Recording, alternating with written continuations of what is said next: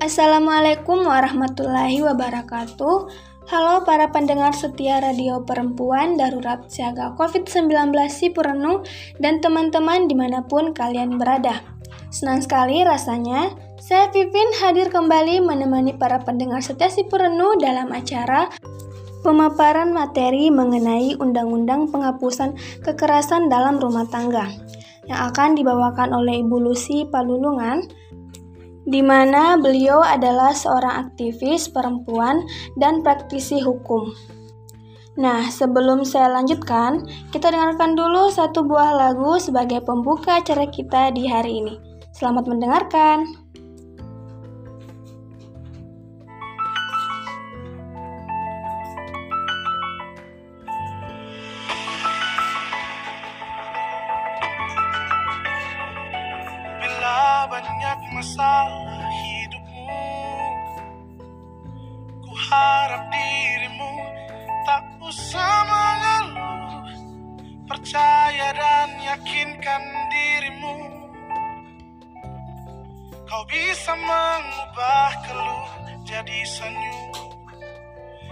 Ada satupun manusia yang tak pernah disinggahi masalah. Mungkin inilah cara yang kuasa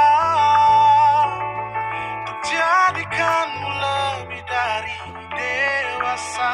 Senyumlah,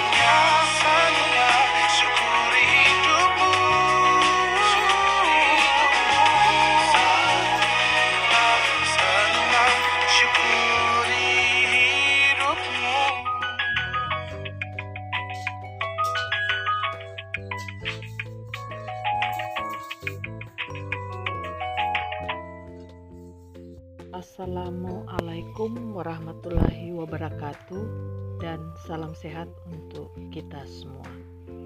Pada kesempatan ini saya akan menyampaikan tentang materi dari Undang-Undang Nomor 23 Tahun 2004 tentang penghapusan kekerasan dalam rumah tangga.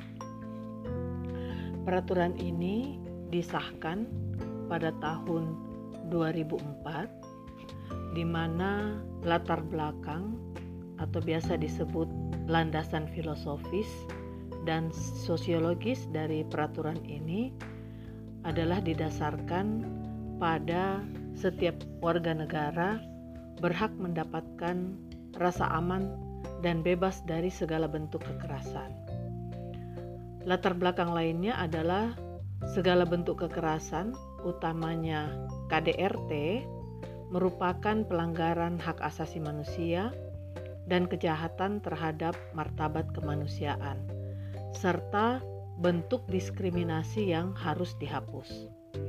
Kebanyakan korban KDRT adalah perempuan, harus mendapat perlindungan dari negara dan atau masyarakat agar terhindar dan terbebas dari kekerasan atau ancaman kekerasan, penyiksaan, atau perlakuan yang merendahkan derajat dan martabat kemanusiaan.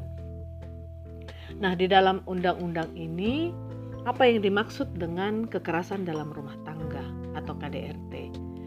Jadi, KDRT adalah setiap perbuatan terhadap seseorang, terutama perempuan, yang berakibat timbulnya kesengsaraan atau penderitaan secara fisik seksual, psikologis, dan atau penelantaran rumah tangga, termasuk ancaman untuk melakukan perbuatan, pemaksaan, atau perampasan kemerdekaan secara melawan hukum dalam lingkup rumah tangga.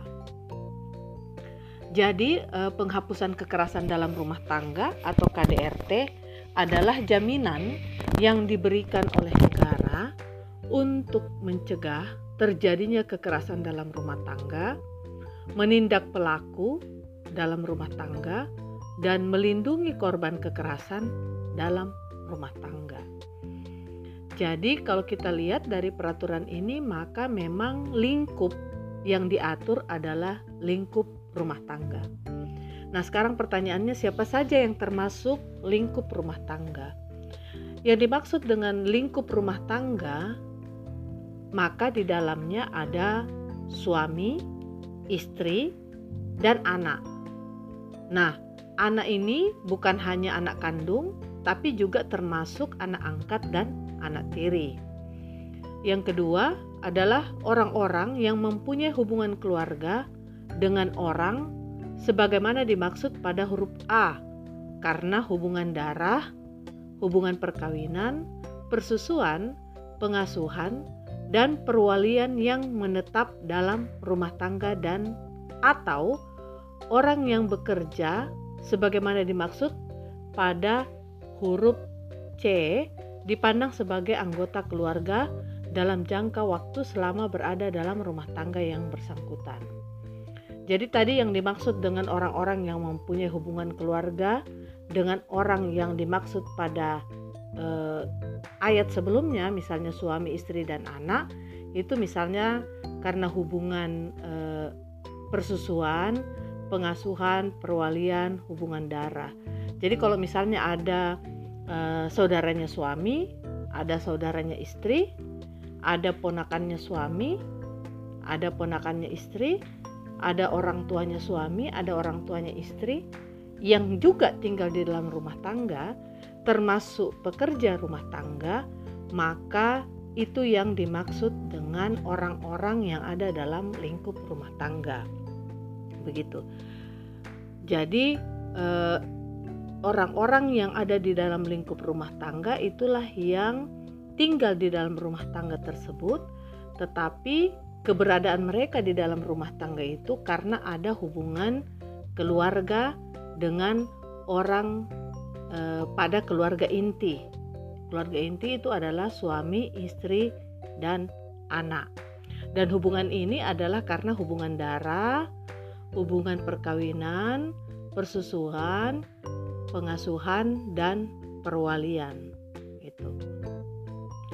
Nah, bentuk-bentuk kekerasan dalam rumah tangga ini ada empat, ya. Eh, yang pertama adalah kekerasan fisik. Jadi kekerasan fisik ini adalah perbuatan yang mengakibatkan rasa sakit, jatuh sakit atau luka berat. Yang dimas yang di mana yang dimaksud dengan kekerasan fisik? Ya bentuknya seperti misalnya pemukulan, dita ditampar, ya, ditendang, apakah itu tidak menggunakan alat ataupun dengan menggunakan alat yang jelas ketika terjadi e, dampak misalnya memar e, luka berdarah e, bahkan juga menyebabkan e, sakit apa kecacatan atau bahkan meninggal dunia maka itu yang disebut dengan kekerasan fisik. Nah, kemudian kekerasan psikis adalah perbuatan yang mengakibatkan ketakutan, hilangnya rasa percaya diri, hilangnya kemampuan untuk bertindak, rasa tidak berdaya, dan atau penderitaan psikis berat pada seseorang. Jadi kekerasan fisik ini lebih berdampak pada psikologis seseorang yang menyebabkan mereka menjadi ketakutan ya stres ya depresi, kehilangan kepercayaan diri, eh, dan seterusnya. Nah, kemudian eh, bentuk kekerasan yang ketiga adalah kekerasan seksual yang meliputi eh, pemaksaan hubungan seksual dengan orang yang menetap dalam lingkup rumah tangga tersebut. Kemudian juga pemaksaan hubungan seksual dengan orang lain untuk tujuan komersial dan atau tujuan tertentu. Jadi misalnya ada majikan yang memperkosa pekerja rumah tangganya atau misalnya ayah kandung atau ayah tiri memperkosa uh, anak kandungnya atau anak tirinya uh, atau juga misalnya uh, dalam beberapa kasus mungkin kita pernah lihat di televisi atau baca di uh, koran ada suami yang kemudian uh, menjual istrinya, memaksa istrinya berhubungan dengan laki-laki uh, lain atau memaksa anaknya berhubungan dengan laki-laki lain, maka kejadian tersebut, peristiwa tersebut dikategorikan sebagai kekerasan seksual. Nah, kemudian yang keempat adalah penelantaran rumah tangga, yaitu di mana seseorang yang menelantarkan orang dalam lingkup rumah tangganya, padahal menurut hukum yang berlaku baginya, atau karena persetujuan atau perjanjian, ia wajib memberikan kehidupan, perawatan, atau pemeliharaan kepada orang tersebut, termasuk pelarangan untuk bekerja yang layak di dalam atau di luar rumah sehingga korban berada di bawah kendali orang tersebut. Nah, yang dimaksud dengan uh, penelantaran rumah tangga ini adalah misalnya ketika seorang laki-laki menikah dengan seorang perempuan, maka sudah ada perjanjian di antara mereka uh, yang disebut dengan uh, perjanjian dalam perkawinan bahwa suami sebagai kepala rumah tangga wajib ya memberikan uh, kehidupan, perawatan, dan pemeliharaan kepada orang tersebut. Itu karena perkawinan. Tapi juga ada karena uh, perwalian atau juga karena uh, memiliki anak. Jadi kalau misalnya ada orang tua yang tidak memenuhi hak-hak anak, ya tidak memberikan penghidupan, tidak memberikan perawatan, hak pendidikan dan seterusnya, maka itu yang disebut juga dengan penelantaran rumah tangga. Nah, penelantaran rumah tangga ini juga termasuk bagi e, istri yang dilarang bekerja oleh suaminya, e, yaitu bekerja yang layak, baik itu di dalam maupun di luar rumah sehingga kemudian korban berada di bawah kendali orang tersebut. Jadi itu juga termasuk kategori uh, kekerasan dalam rumah tangga yaitu penelantaran rumah tangga. Nah, selanjutnya di dalam undang-undang ini juga diatur mengenai hak-hak korban. Apa saja hak-hak korban ya ketika dia mengalami kekerasan dalam rumah tangga? Yang pertama itu adalah e, korban berhak mendapatkan perlindungan dari pihak keluarga, kepolisian, kejaksaan, pengadilan, advokat, lembaga sosial atau pihak lain baik sementara maupun berdasarkan penetapan perlindungan dari pengadilan. Yang kedua adalah eh, korban juga berhak mendapatkan pelayanan kesehatan sesuai kebutuhan medis, berhak mendapatkan penanganan secara khusus berkaitan dengan kerahasiaan korban. Jadi kalau misalnya korban melaporkan e, permasalahannya atau kasusnya ke lembaga-lembaga layanan, apakah itu ke kepolisian atau ke lembaga bantuan hukum atau ke P2TP2A, maka kerahasiaan korban itu Eh, menjadi uh, hak korban. Jadi lembaga layanan tidak bisa memberikan begitu saja informasi tentang kasus yang korban alami termasuk identitas korban.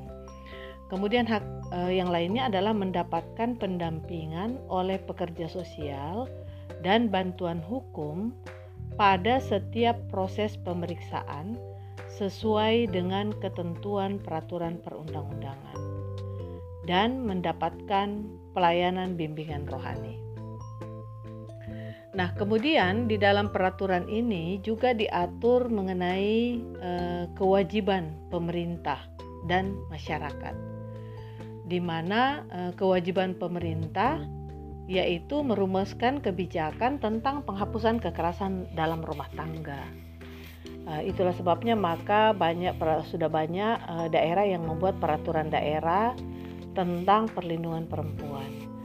Kemudian juga eh, kewajiban pemerintah menyelenggarakan komunikasi, informasi dan edukasi tentang kekerasan dalam rumah tangga. Ya, jadi eh, terus-menerus melakukan eh, sosialisasi. Yang ketiga adalah menyelenggarakan advokasi dan sosialisasi tentang kekerasan dalam rumah tangga. Lalu kemudian juga menyelenggarakan pendidikan dan pelatihan sensitif gender dan isu KDRT serta menetapkan standar pelayanan yang sensitif uh, gender. Nah, uh, upaya pemerintah dalam penyelenggaraan pelayanan terhadap korban, maka pemerintah wajib menyediakan ruang pelayanan khusus di kantor kepolisian. Jadi, uh, ruang pelayanan khusus ini dinamakan unit PPA di kepolisian, yaitu unit pemberdayaan perempuan ya dan perlindungan anak. Kemudian eh, penyediaan aparat tenaga kesehatan, pekerja sosial dan pembimbing rohani.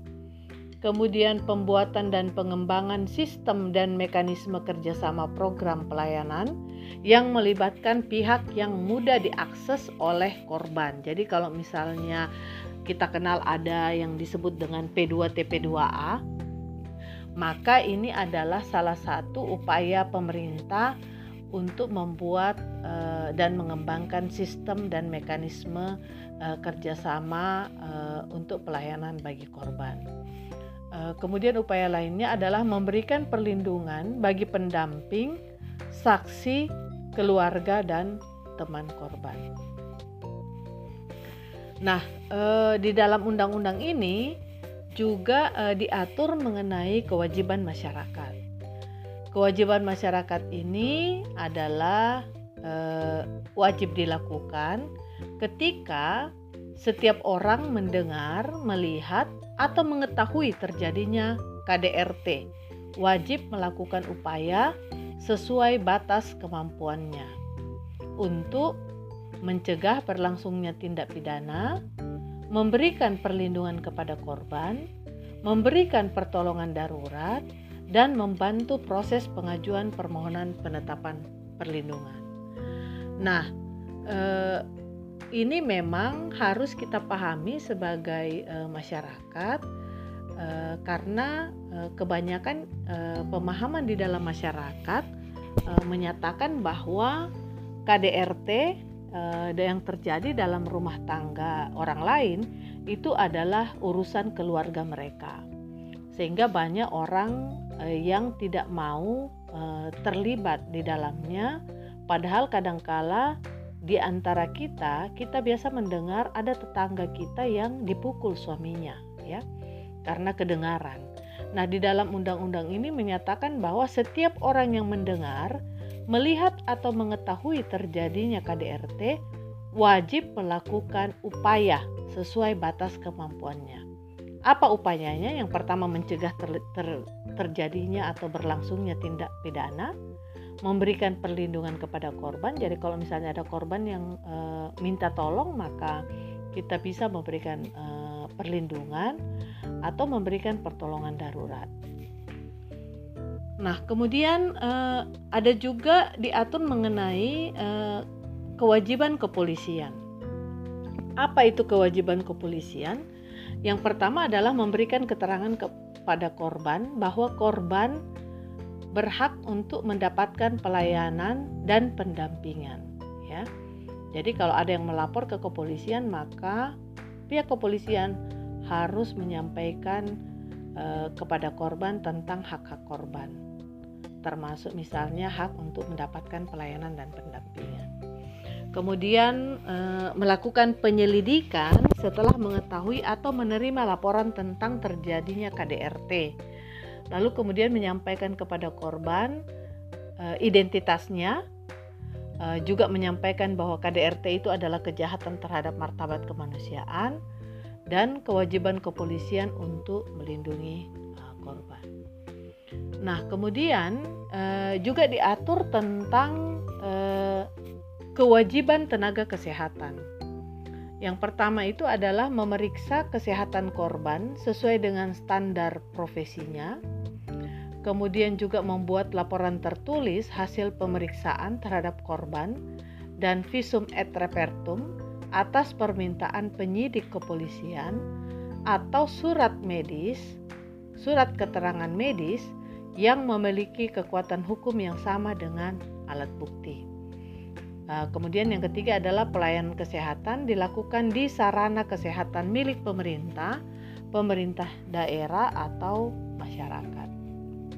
Selanjutnya di dalam undang-undang ini juga diatur mengenai kewajiban pekerja sosial, yaitu yang pertama melakukan konseling untuk menguatkan dan memberikan rasa aman bagi korban juga memberikan informasi mengenai hak-hak korban untuk mendapatkan perlindungan dari kepolisian dan penetapan perintah perlindungan dari pengadilan.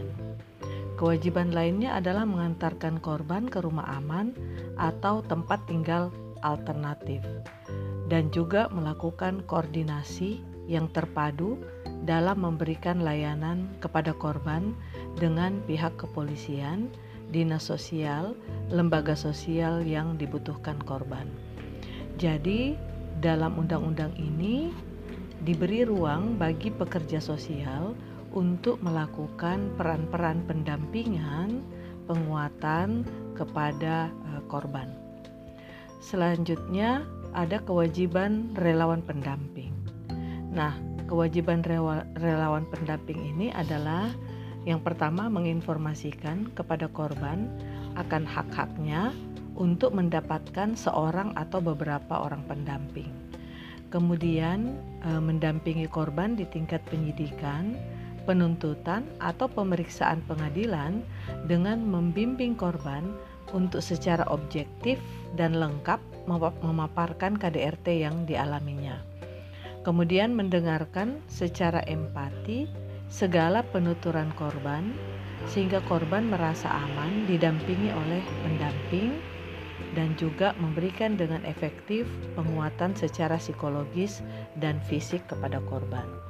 Jadi kalau kita lihat di dalam undang-undang ini maka juga diberikan ruang kepada relawan pendamping untuk mendampingi korban pada pemeriksaan baik itu di tingkat kepolisian kemudian penuntutan di kejaksaan dan pemeriksaan di pengadilan. Kalau selama ini peran-peran tersebut hanya bisa dilakukan oleh pengacara atau advokat. Tapi salah satu kemudian kelebihan ke, kelebihan dari undang-undang ini adalah ada kewajiban bagi relawan pendamping untuk mendampingi korban pada seluruh tingkatan pemeriksaan. Selanjutnya eh, juga diatur mengenai kewajiban advokat, yaitu memberikan konsultasi hukum yang mencakup informasi mengenai hak-hak korban dan proses peradilan.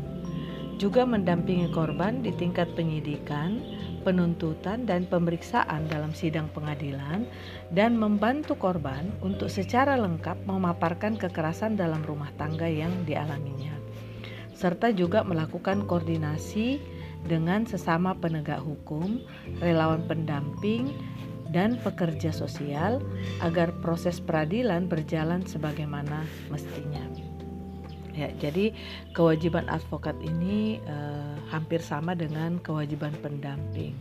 Namun memang ada perbedaan pada eh, aspek legalitas ya eh, advokat karena memang advokat memiliki kewenangan yang lebih luas daripada relawan pendamping.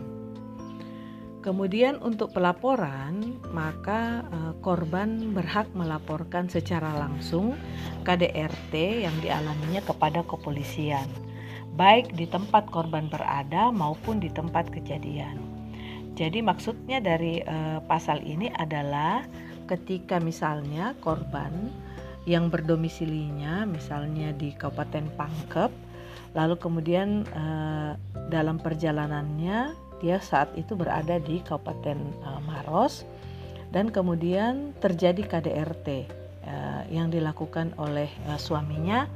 Uh, misalnya contohnya dalam perjalanan uh, di dalam mobil misalnya suami memukul istri uh, yang pada saat itu mereka berada di Kabupaten Maros maka korban bisa melaporkan pada dua tempat yang pertama pada tempat uh, kejadian perkara atau yaitu di Kabupaten Maros atau juga e, di tempat domisili mereka misalnya di Kabupaten Pangkep.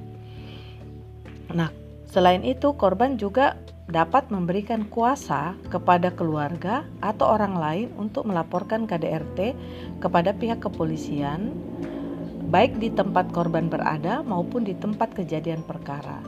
Jadi, untuk pelaporan di kepolisian tidak selalu uh, korban harus uh, datang langsung, tapi juga bisa memberikan kuasa kepada keluarga atau orang lain untuk melaporkan. Jadi misalnya juga bisa melaporkan kepada uh, tetangga ya, kemudian uh, atau orang-orang lain misalnya teman untuk uh, diberi kuasa uh, untuk melapor ke pihak kepolisian. Nah, dalam hal korban adalah anak, maka laporan dapat dilakukan oleh orang tua. Orang tua, wali, pengasuh atau anak yang bersangkutan yang dilaksanakan sesuai dengan ketentuan perundangan yang berlaku. Nah, eh, kemudian siapa saja yang dapat mengajukan permohonan surat perintah perlindungan? Jadi, perintah perlindungan ini eh, dikeluarkan oleh pengadilan dan e, dapat diberikan kepada korban dalam situasi terancam keselamatannya. Jadi yang dapat mengajukan perintah surat perintah perlindungan ini adalah korban atau keluarga korban, teman korban, kepolisian, relawan pendamping dan pembimbing rohani. Nah, e, di dalam undang-undang ini e, juga diatur uh, mengenai ketentuan pidana. Jadi seperti yang sudah disampaikan tadi bahwa ada empat jenis atau ada empat bentuk kekerasan dalam rumah tangga. Yang pertama itu adalah kekerasan uh, fisik. Nah, ketentuan pidananya adalah paling lama lima tahun pidana penjara atau denda paling banyak 15 juta. Itu diatur di dalam pasal 44. Nah, kemudian untuk kekerasan psikis itu paling lama 3 tahun pidana penjara atau denda paling banyak 9 juta. Ini diatur di dalam pasal 45. Kemudian kekerasan seksual itu paling lama 12 tahun pidana penjara atau denda paling banyak 36 juta diatur di dalam pasal 46. Kemudian penelantaran rumah tangga paling lama 3 tahun pidana penjara atau denda paling banyak 15 juta pasal 49. Nah, eh, pasal-pasal tersebut yang sudah saya sebutkan kemudian seluruhnya adalah delik aduan. Apa itu delik aduan?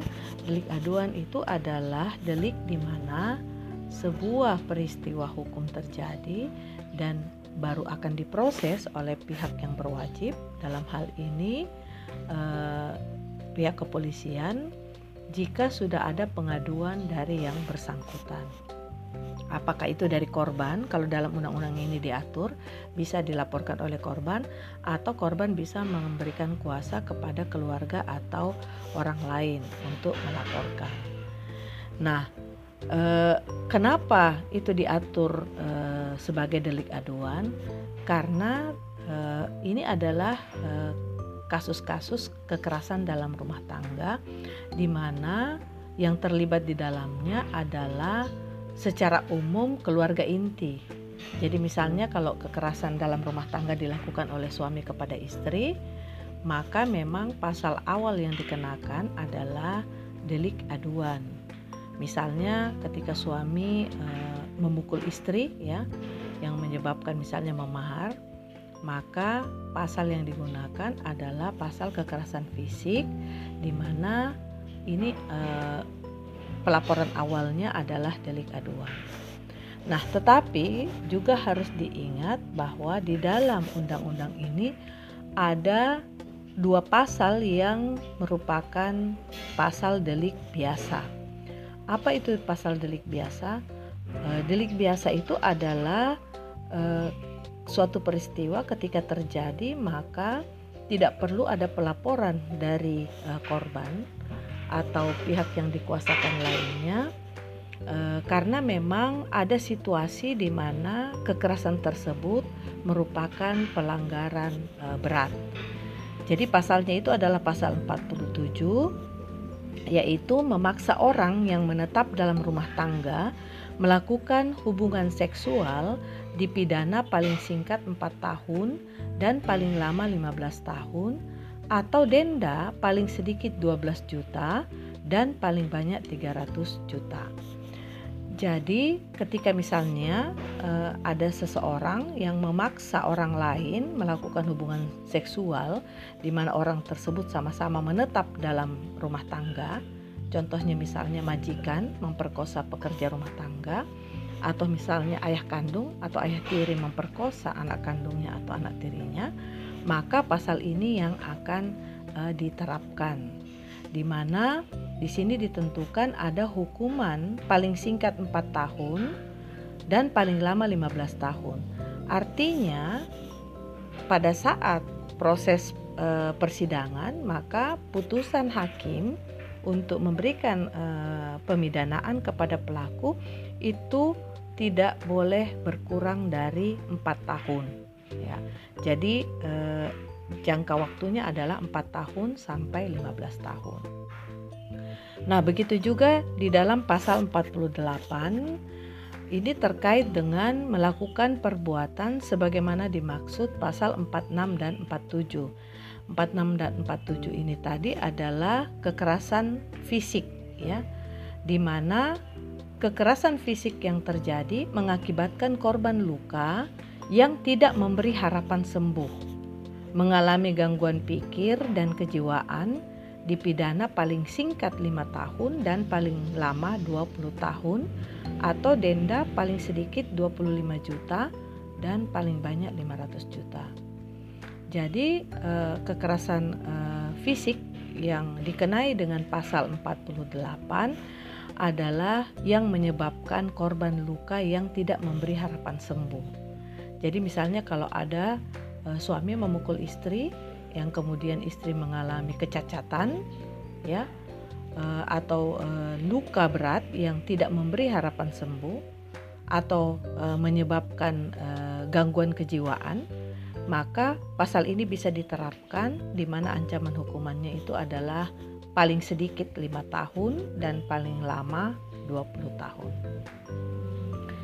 Nah, Uh, selain itu di dalam uh, undang-undang uh, PKDRT ini juga diatur mengenai sanksi tambahan. Jadi sanksi tambahan itu misalnya yang pertama pembatasan gerak pelaku baik yang bertujuan untuk menjauhkan pelaku dari korban dalam jarak dan waktu tertentu maupun pembatasan hak-hak tertentu dari pelaku. Kemudian eh, juga Eh, sanksi tambahannya adalah menetapkan pelaku mengikuti program konseling di bawah pengawasan. Nah, di dalam eh, undang-undang ini juga uh, diatur mengenai alat bukti yang sah. Jadi dalam undang-undang ini alat bukti yang sah itu adalah keterangan seorang saksi korban saja itu dianggap sudah cukup untuk membuktikan bahwa terdakwa bersalah uh, apabila disertai suatu alat bukti sah lainnya. Artinya apa? Artinya bahwa ketika misalnya uh, kekerasan uh, terjadi, misalnya suami memukul istri, lalu kemudian menyebabkan luka, ya, lalu uh, atau memar, lalu kemudian luka atau memar tersebut uh, di visum, ya, dengan visum et repertum oleh pihak rumah sakit, dan kemudian hasil visum ini menunjukkan bahwa e, benar terjadi e, kekerasan yang melukai korban, maka keterangan e, korban sebagai saksi korban itu sudah dianggap cukup apabila disertai dengan alat bukti yang sah lainnya. Apa itu alat bukti yang sah lainnya? Salah satunya adalah visum et repertum. Nah, mengapa e, alat bukti ini ditentukan seperti ini? Ini sebenarnya merupakan terobosan baru dari hukum acara pidana dalam uh, yang diatur di dalam uh, eh, KUH pidana, di mana uh, di dalam hukum acara pidana selama ini uh, ditetapkan bahwa untuk pembuktian harus dibuktikan dengan minimal dua alat bukti yang sah. Uh, jadi kalau misalnya uh, hanya satu uh, korban saja, lalu kemudian tidak ada saksi yang lainnya, maka dalam hukum acara pidana pembuktiannya tidak bisa terpenuhi. Nah, ini kemudian diubah hukum acaranya jadi hukum acara kemudian uh, di dalam KUH pidana itu mendapat terobosan baru dengan mengubah bahwa Undang-Undang PKDRT mengatur uh, keterangan seorang saksi korban saja sudah cukup uh, ditambah dengan satu alat bukti yang sah lainnya. Mengapa seperti itu? Karena Eh, selama ini tantangan untuk uh, proses penegakan hukum bagi kasus-kasus kekerasan dalam rumah tangga itu mengalami hambatan dalam proses uh, penegakan hukumnya karena uh, terhambat pada salah satunya uh, aspek pembuktian. Itulah sebabnya maka uh, di dalam undang-undang ini diterapkan uh, pembuktiannya seperti itu. Eh, karena selama ini kasus-kasus kekerasan dalam rumah tangga itu terjadi di dalam rumah atau bahkan di dalam kamar di mana yang ada di situ hanya korban dan pelaku. Nah, sehingga kemudian itu e, menyulitkan proses e, penanganan kasusnya melalui e, proses e, penyidikan dan e, penuntutan atau bahkan persidangan di pengadilan. Nah, itulah sebabnya maka uh, di dalam undang-undang ini uh, alat buktinya uh, cukup dengan keterangan seorang saksi korban ditambah dengan satu alat bukti yang sah lainnya. Nah, pemirsa yang saya hormati, Eh, saya kira cukup sekian penjelasan saya mengenai uh, undang-undang penghapusan kekerasan dalam rumah tangga. Semoga uh, ini bermanfaat bagi kita semua dan juga kita bisa melakukan sosialisasi yang sama kepada keluarga kita, kepada teman atau sahabat, kepada tetangga untuk uh, memberikan informasi dan penyadaran bagi semua orang untuk uh, terhindar dari uh, kekerasan dalam rumah tangga, baik itu sebagai korban maupun juga sebagai pelaku. Semoga apa yang saya sampaikan ini juga bisa disosialisasikan di dalam pertemuan-pertemuan di tingkat kelurahan atau di tingkat desa Eh, kemudian juga disosialisasikan di pertemuan-pertemuan uh, desa uh, juga dalam pertemuan-pertemuan organisasi perempuan apakah itu majelis taklim kelompok-kelompok pengajian kemudian arisan-arisan PKK dan pertemuan-pertemuan lainnya. Saya kira itu yang bisa saya sampaikan. Semoga bermanfaat. Sekian dan terima kasih. Kembali lagi bersama saya Vivin dalam acara pemaparan materi mengenai Undang-Undang Penghapusan Kekerasan dalam Rumah Tangga. Pendengar Stasi Purwono FM, itulah tadi materi yang dibawakan oleh Ibu Lucy Palulungan tentang Undang-Undang Penghapusan Kekerasan dalam Rumah Tangga untuk kita semua. Terima kasih Bu atas apa yang Ibu sampaikan. Semoga tidak ada lagi kekerasan dalam rumah tangga yang terjadi. Dan bagi pendengar setia si Purno FM, apabila memiliki pertanyaan silahkan hubungi di 0821 9078 0283. Saya ulangi di nomor 0821 9078 0283.